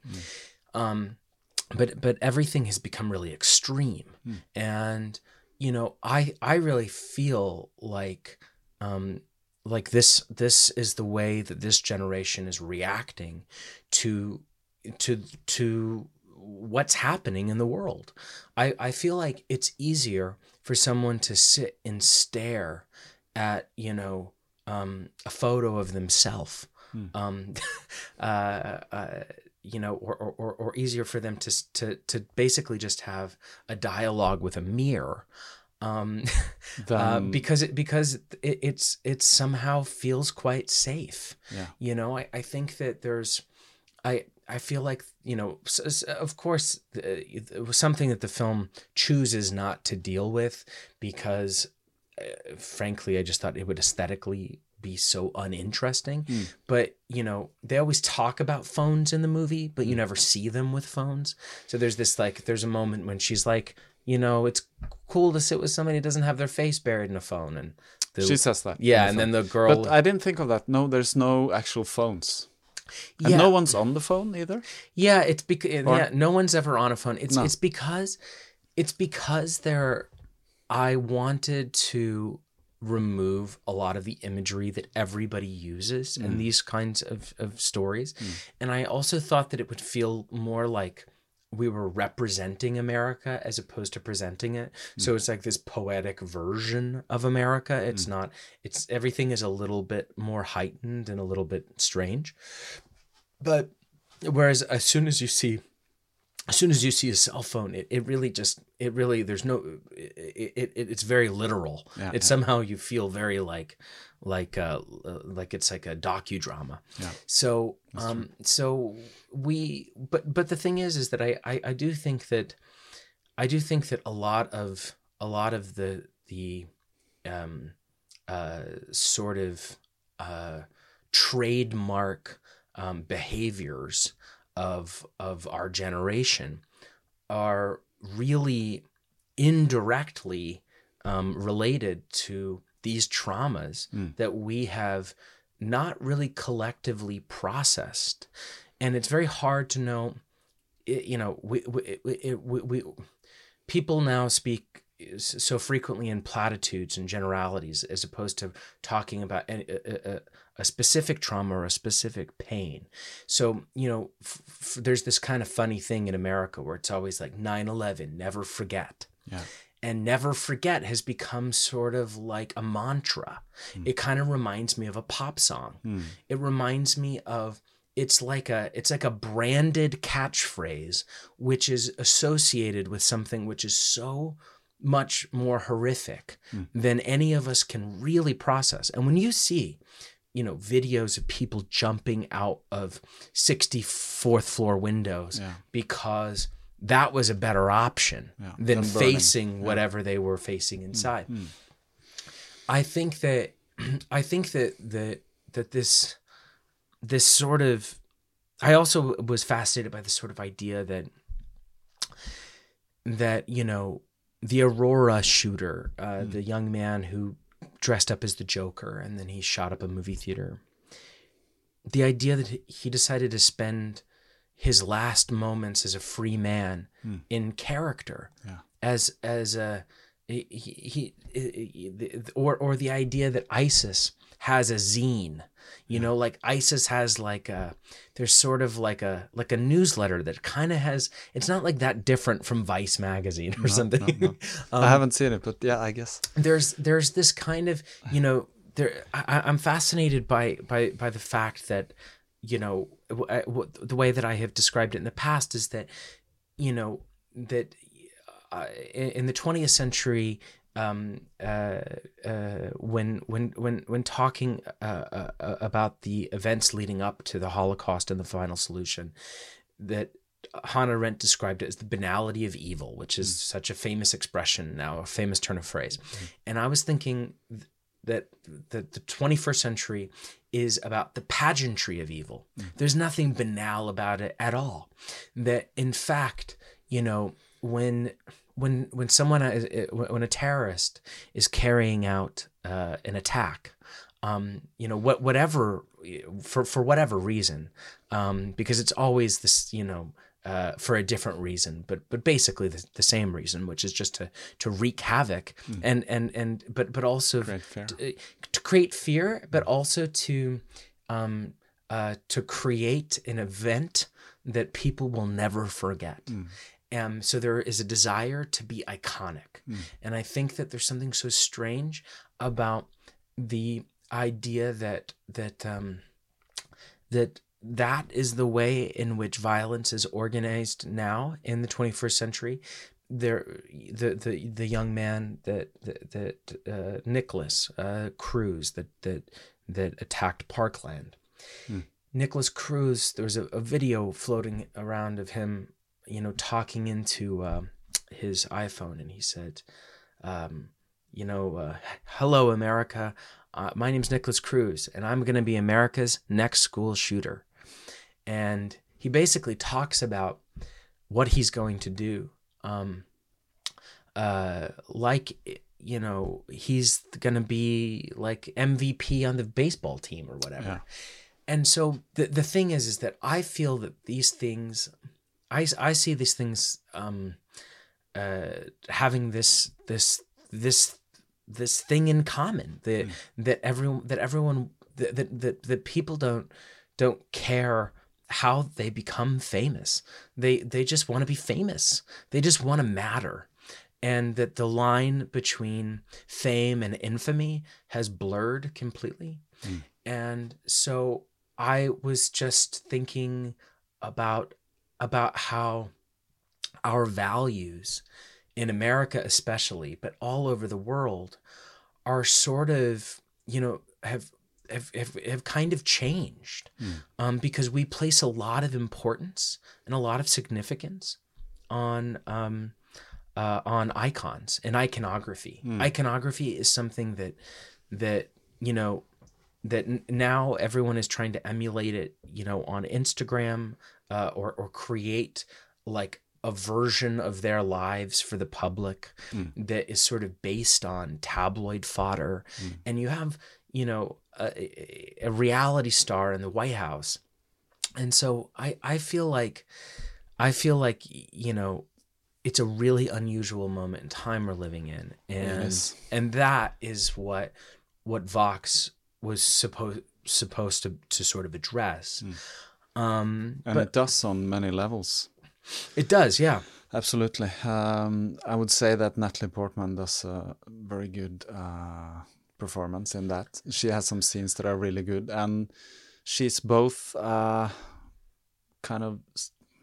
I, I both like the character because you're being very honest with showing the face of someone that is supposed to be a pop star that wants to be loved by everyone, but she's kind of turned from this very beautiful young woman in the first part to a she's kind of I, I don't know the english word but she's been her darkness has been kind of exposed out into the light so we're seeing him, her in the second half yeah in the as se- a more angry aggressive kind of Com- person completely she in the second half of the film the character is incredibly affected um by uh, the whole culture of this. Well, and I mean, and she's and she's developed a lot of affectations. The Mm. way that she talks, like I always think it's really funny when like, you know, somebody that you know is from, um, you know, born and raised in Orange County, California, Mm. like you know, kind of like like talks with like a really like tough Brooklyn accent or, Mm. or something. Mm. Um, or you know, somebody goes to England for a month and then suddenly they're referring to everything as a lift. You know, Mm-mm. and so I think I think that I think that there is this kind of funny thing, which is that as soon as somebody is living their life in public, Mm. they start playing a part, and sometimes they become the part. Mm.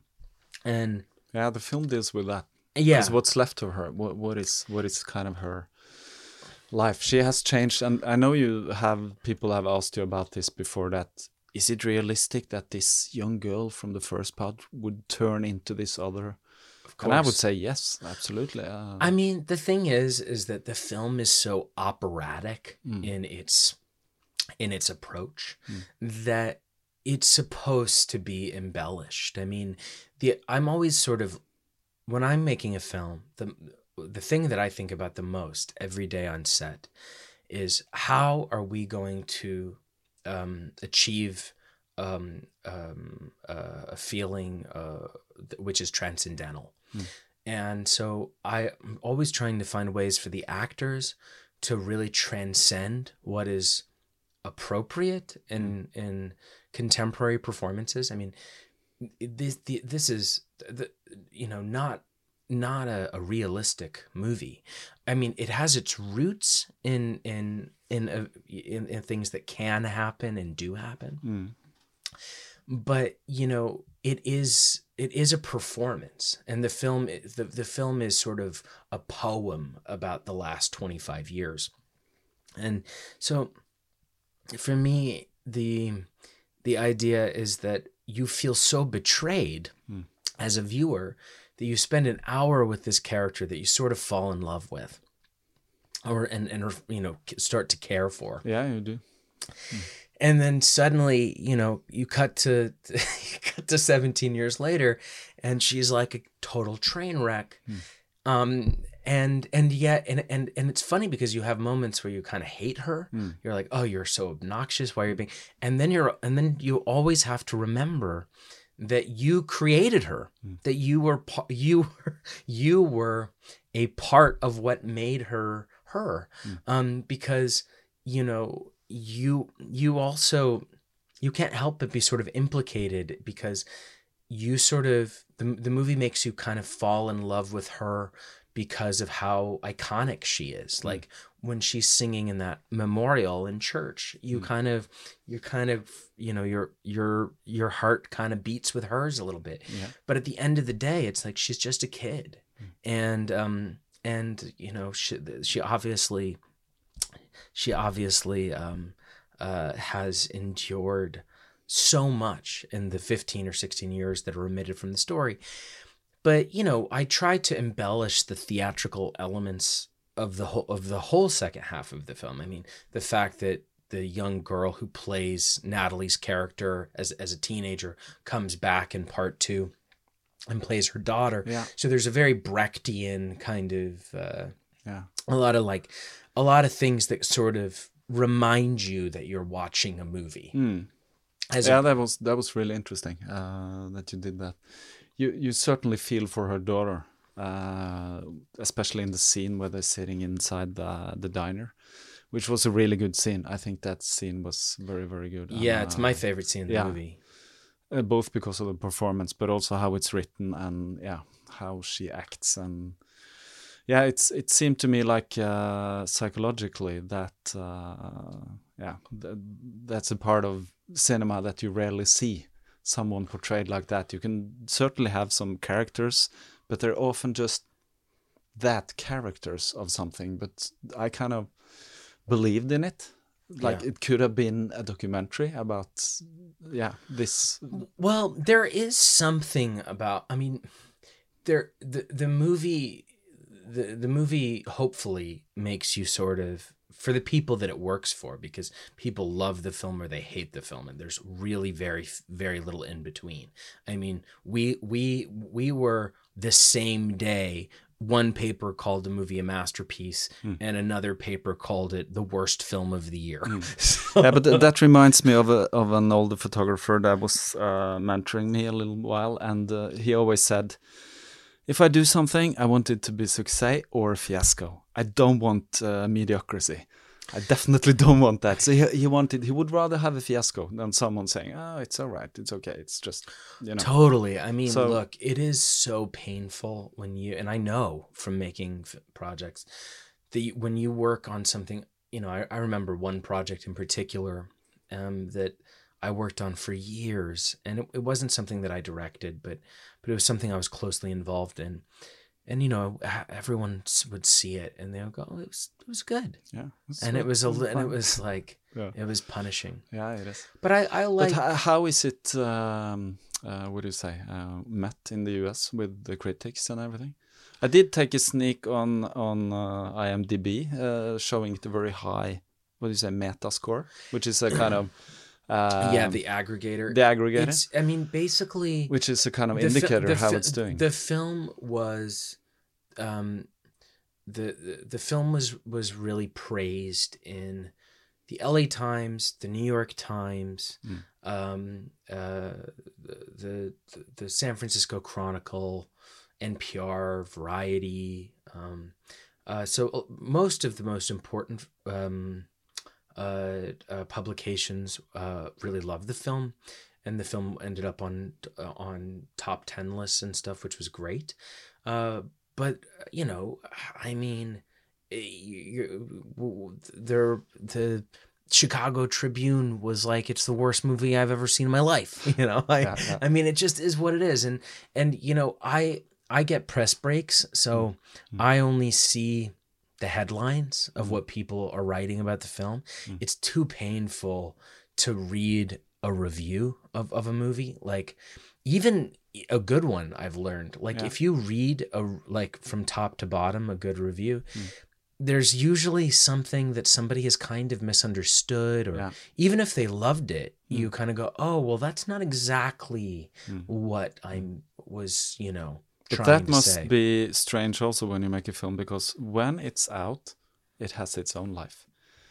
I guess you know it's perceived by so many people who live in different realities, even though they are film uh, critics or whatever. So I- it I- can't really matter I- how it does after you made I think it, that I think that as long as your vision of was course what yeah, you wanted. I, I I I think that you know it right now it's still very fresh. Hmm. like it just came out and there's people that are still writing reviews Hmm. now of the film. Um and so you know now it stings when somebody hates it and Hmm. it feels good when somebody likes it.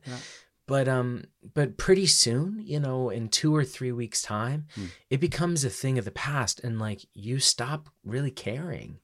Um i didn't you know the the film was the film is very unusual because it it's it starts off a tragedy and it kind of mutates into a drama and then it mutates into a dark comedy Mm. and then it turns into a concert film.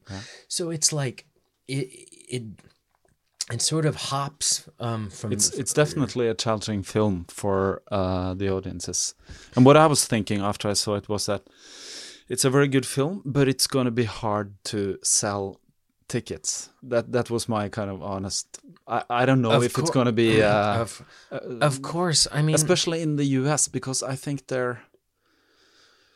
I, I don't know, but maybe I'm just uh, uh, assuming. But it seems to me that people want to be entertained. They want to, if they pay to go to cinema, they want to be entertained. That's, I guess, why superhero movies are produced all the time. They want to see people fly, lift buildings, whatever.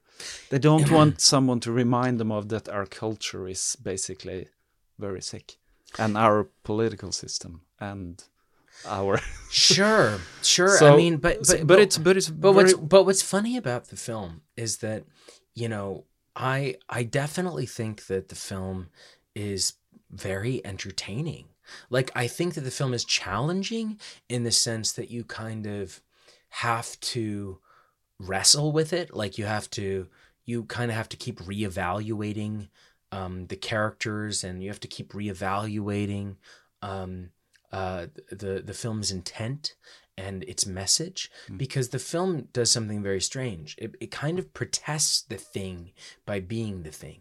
So at, by the end of the film, it's rife with cliches and all of these things that the film sort of you know uh, uh, d- sort of detests. So it, it starts off as something very elegant and then it it sort of mutates like the culture hmm. into like a into a, a garish monster. Hmm. And so the movie it, it it does what the character does. Hmm. Um and but you know there it, it historically we have, you know, John Cassavetes' opening night or Bette Midler in The Rose, or we have like these kind of rise and fall dramas. And the idea was to sort of, you know, treat this contemporary story that everyone is familiar with you know like a pop star goes to rehab or you know like a pop star has a nervous breakdown and like you know like uh uh, like flashes everybody and you know and then uses a racial slur. You know like the, these these are things that we read about every day and the idea was to treat these things that have become commonplace like in a very old fashioned way like in a very like to to make it feel like a Douglas Sirk drama. So mm. you know Scott Walker's score is very lush and orchestral, and you know it it sort of is the antithesis of everything which is modern. Hmm. But when you make a film, you cannot. I don't know what the difference is between reaching twenty thousand people and reaching you know 20 million people. You know it, it's not like i you know I, I i s- since i premiered the film i probably have personally presented it to roughly 15,000 people uh, at different screenings across the globe. So the thing is is that you know i think that the film will eventually make its money back um I absolutely hope it does, and I hope people go to see it. me too. Me too. But I think that it's it's definitely I, I it's definitely challenging, and I think that I'm I'm hoping that that people also to be a part of the conversation about it. Uh, um, um, check it out. But to tell you the truth, with movies like this, most people end up seeing them on video and that's fine. You know it's it's definitely a better experience in a theater. Um i mean there's nine original pop songs in the film. There's there's 30 minutes of a 54 person orchestra Yeah, in it has, yeah, it has a very good soundtrack, yeah. both with the juxtaposition of Sia's music and and um, and and scott's uh, Scott score. Walker's, yeah, which is a very strong, you know, no, no, no, no, yes, Yeah. uh, yeah, Yeah. and especially in the end, it's it's very strong when uh, she has her middle into the darkness, or or the narrator talks about. Yeah, the, her faustian yeah, deal. her Faustian deal, and you just started thinking, "What is this?" You know, and that that was really a good part. Uh, I love that part. But um, yeah, how long? How long I have to see? Um, yeah, but uh, let me ask you a little bit about um, your further plans. You have you're going to make your third film. yeah so i Does uh, does that depend on how this is going to do it in the cinemas, or doesn't it matter when No, you're out there financing a new film? I I don't really know. I I mean the thing is is that ultimately what matters is what kind of package you can put together. Hmm. And you know um uh the the good news is that um even though Vox was a very divisive film, I mean, so was Childhood. If Childhood had been re- had been seen by as many people as Vox was, it would have also been just as divisive. It, it just didn't ever have a chance to be that divisive because it was never reviewed by populist critics, you know, and and and. Uh, yeah, you know, r- writing for for local papers and stuff. Um, but um, uh, you know, the the the good news is that it it mostly had uh, a lot of support um, from the right people. So we are um, feeling pretty confident about putting the new film together. The new film is totally different. So it's kind of like, you know, there's nothing really to compare it to. It's a it's a historical drama. It's very classical in a lot of ways. It's sort of about the relationship between an art an artist and his financier. It's a lot of it's based on my own experiences. Um, and then a lot of it's based the, on the character is uh, Fictional. Yeah. yeah, the character is kind of like, you know, inspired by Marcel Breuer and Louis hmm. Kahn and, and hmm. characters like that. Hmm. Um, but is is is his own character, is a character named Laszlo Toth. Um, and it's about it's about you know him and his wife. His wife is stuck in a displaced persons camp on the Austro-Hungarian border he has emigrated to the states and you know was a pretty affluent guy but uh, but suddenly was redu- is reduced to nothing. And w- in, america is like sleeping in a church basement. So you know wh- I, I think that when, when i think about um when i think about the the when i think about any war I'm particularly fascinated by, you know, or, or when I think about when I think about the, the the second war in particular, I think about a stranger shows up on your doorstep and says, "Hey, um, you need to clear everything out of here.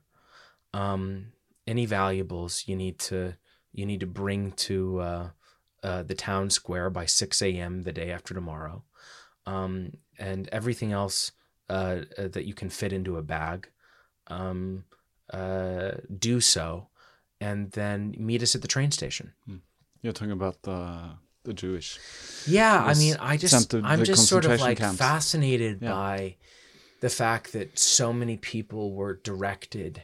Hmm. Um, I I mean, they, they they didn't just go out and make arrests. No. I mean, uh, it was like, hey, going to show these things in the movies? The the the kind of prologue to how he's. Uh, no, we no. we don't we don't see it, but we but we we learn about it. Yeah. and we and most we know it anyway that it happened. So I yeah, we can just we, we don't. it- it- the The thing is, in the beginning of the story, as it's written, you know, you don't know that much about the character, Hmm. and so you sort of slowly discover a lot of things about this character. Um, but you know, it's it's just it's it's interesting because you know, sudden you know he at, at one point he was a wealthy man, um, you know, at home, and now he has a different status here in this country, and then it's sort of about how you behave when you are well off versus how you behave when you're not well off. And it's also that's interesting. it's it's yeah i mean we're in the middle of it now. We'll we'll see we'll see how it all how it all ends up but it's it's fascinating. And then the other the other thing that i just think is fascinating is that is that you know like uh, uh, new buildings always have the sort of same life experience as as every immigrant which is that um, uh, whenever a new building goes up, everybody hates it.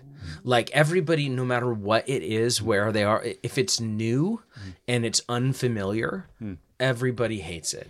And it's just so funny to me. Like, I mean, I've been experiencing at Aker Brygge, like, I've overheard people talking about how much they hate the new National Gallery, which I think looks beautiful. Like, I was like, whoa, like, what? Like, Yeah, the architect is pretty. He's he's he's had his feelings hurt. Uh, uh, he has It- because uh, he won the he won the competition. He, he drew the whole thing, but people are like, oh no, it's horrible. Look at that. Wow. I mean- but they have to wait till like you don't just experience the outside when it's being built. It's like Of course, but I mean, but here's the other thing Mm. that's so funny is that there is so much terrible, Mm. terrible contemporary architecture in Oslo. Mm. I mean, when I take the train in from the airport, I'm always like, oh Christ! Yeah, it's horrible. I mean, you know, obviously.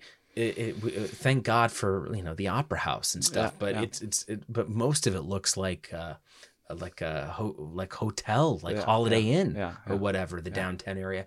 So, but it is this funny thing that everybody goes, everyone's just like, oh, it's new and it's different, and I Mm. fucking hate it.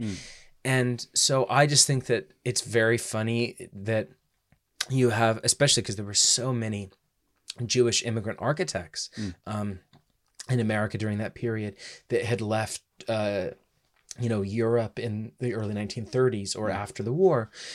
And so the experience of being an immigrant and then also doing things in this style mm. that nobody wanted. Mm. Like i mean all the students of walter gropius and stuff like mm. they just didn't want this at all. And so i just think that i just think that it takes a lot of nerve to come to a country that's not your own and and and and and build you know these these uh, these buildings for institutions and and and congregations all over America that's basically going to be there forever, kind of. Com- completely completely Yeah. Okay. Uh, how?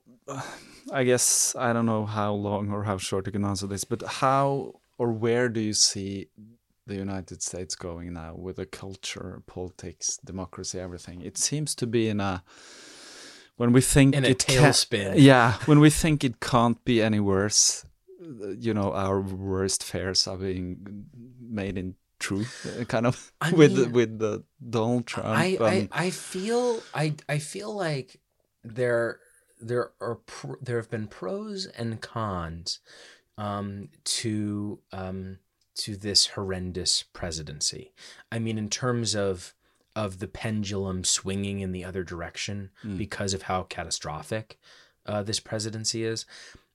The the I'll, I'll talk about the bad first, which is very straightforward, which is is, is basically that it has destroyed everyone's faith in the public office. Period which is um, very sad.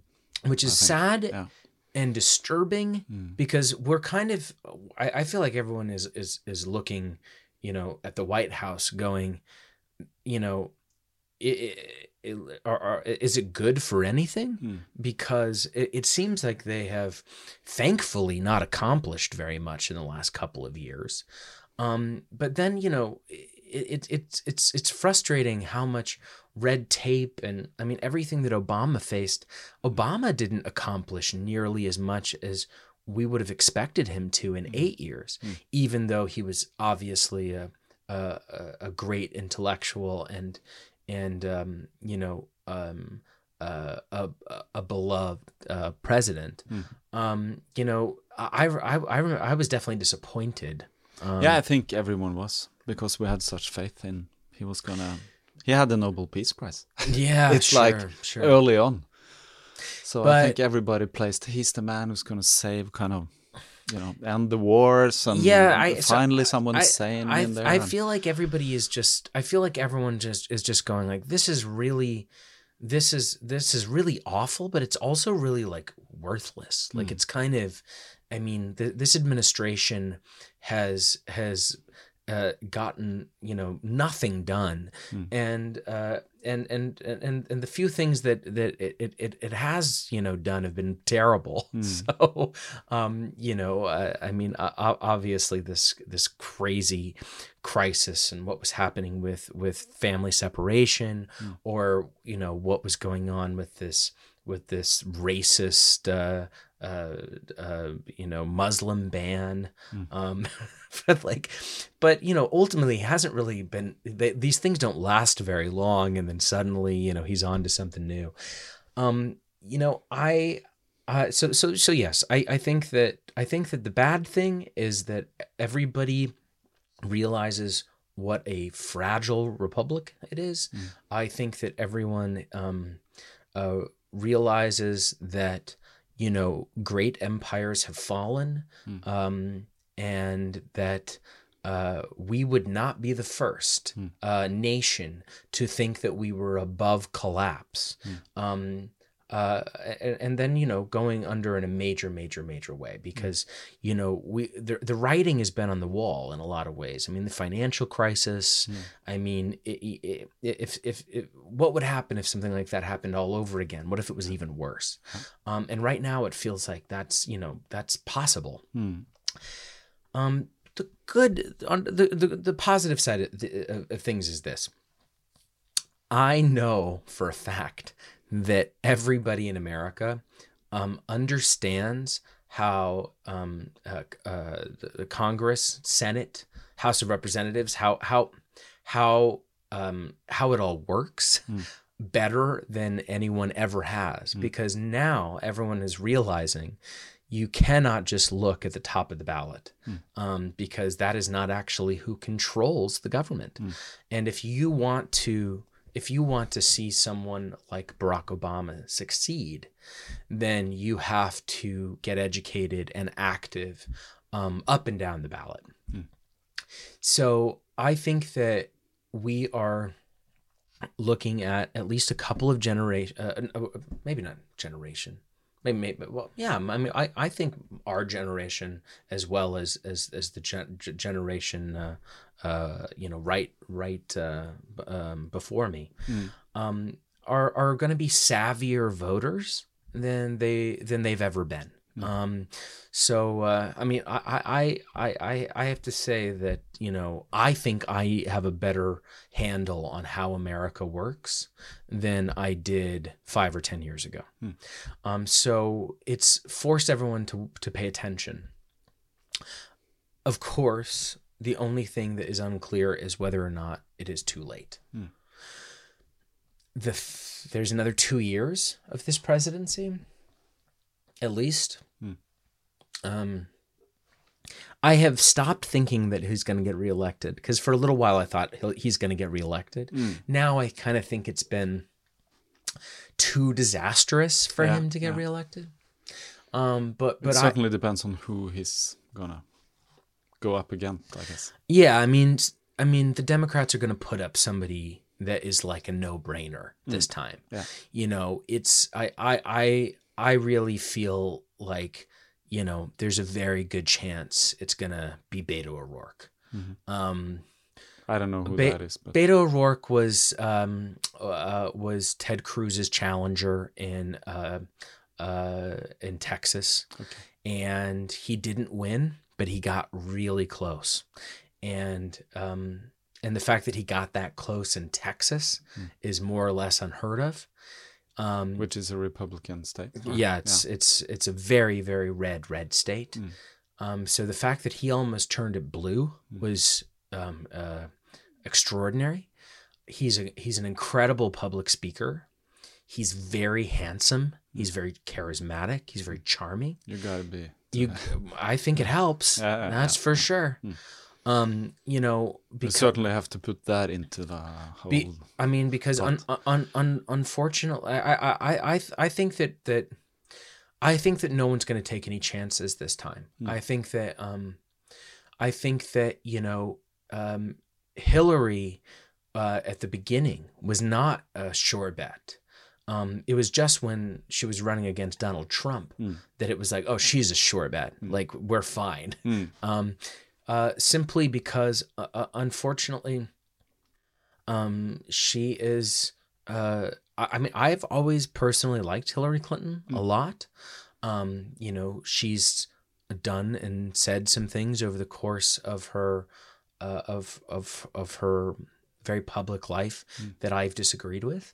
Um, but I think that she's logical, and I think she would have been an amazing president. I think she would have been a, a fantastic U.S. president. I am, I'm, I'm saddened that we didn't actually get to experience it. Yeah, But me too in a way, even though it's not my country. but she's not charismatic. No. And, and I mean, you know, she's she's you know she's well put together and stuff, but she doesn't ru- she doesn't really know how to like you know unite the masses. And so somebody like Beto O'Rourke, I I can really imagine um, uh, being very successful um, because he's also young and he's like he feels kind of fresh and all of these other all of these other folks that that people have mostly been talking about are like total you know dinosaurs Yeah, they are. That's might some something to do with the problem in the USA also. It seems to me these old white men in the Senate are just living in a completely different reality, and they only care for their own. Yeah, I mean, completely. Yeah. I mean, it, it, it, it it's, it, it is, it is unfortunate that we are waiting for a generation, more or less, to disappear or retire yeah. In order. Mm. in order for everyone else to take over, because is even when you suddenly get to like you know representatives in their late forties and early fifties. Hmm. Even then, you know, they're they're it, it's a it's a different generation entirely hmm. than those that are in their late seventies and early eighties, hmm.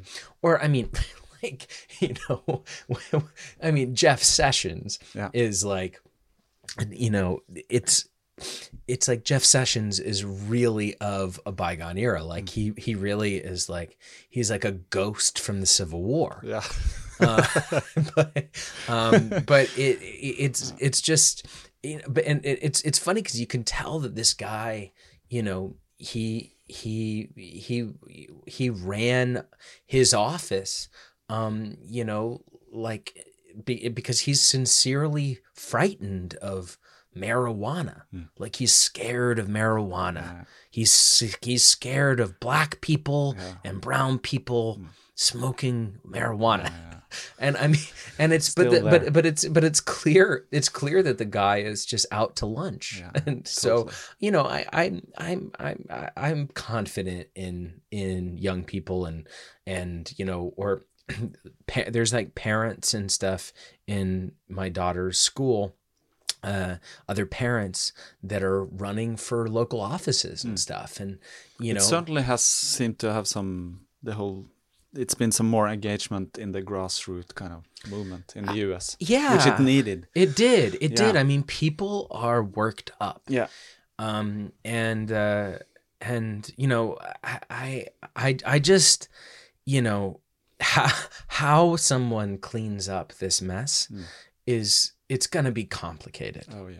it's gonna be complicated and i'm i'm concerned about it but you know it's like being on an airplane Yeah. You, you, you're just along for the ride yeah, yeah, yeah, that's true. That's true. Good analogy. Okay, but uh, hopefully we'll be able to sit down uh, after your next film, and maybe we then can talk about uh, the new presidency and so on. But uh, thanks for sitting with me for almost uh, almost two hours. you got it Yes. So until later, uh, have a Merry Christmas. thanks They wanted a show. I gave them a show.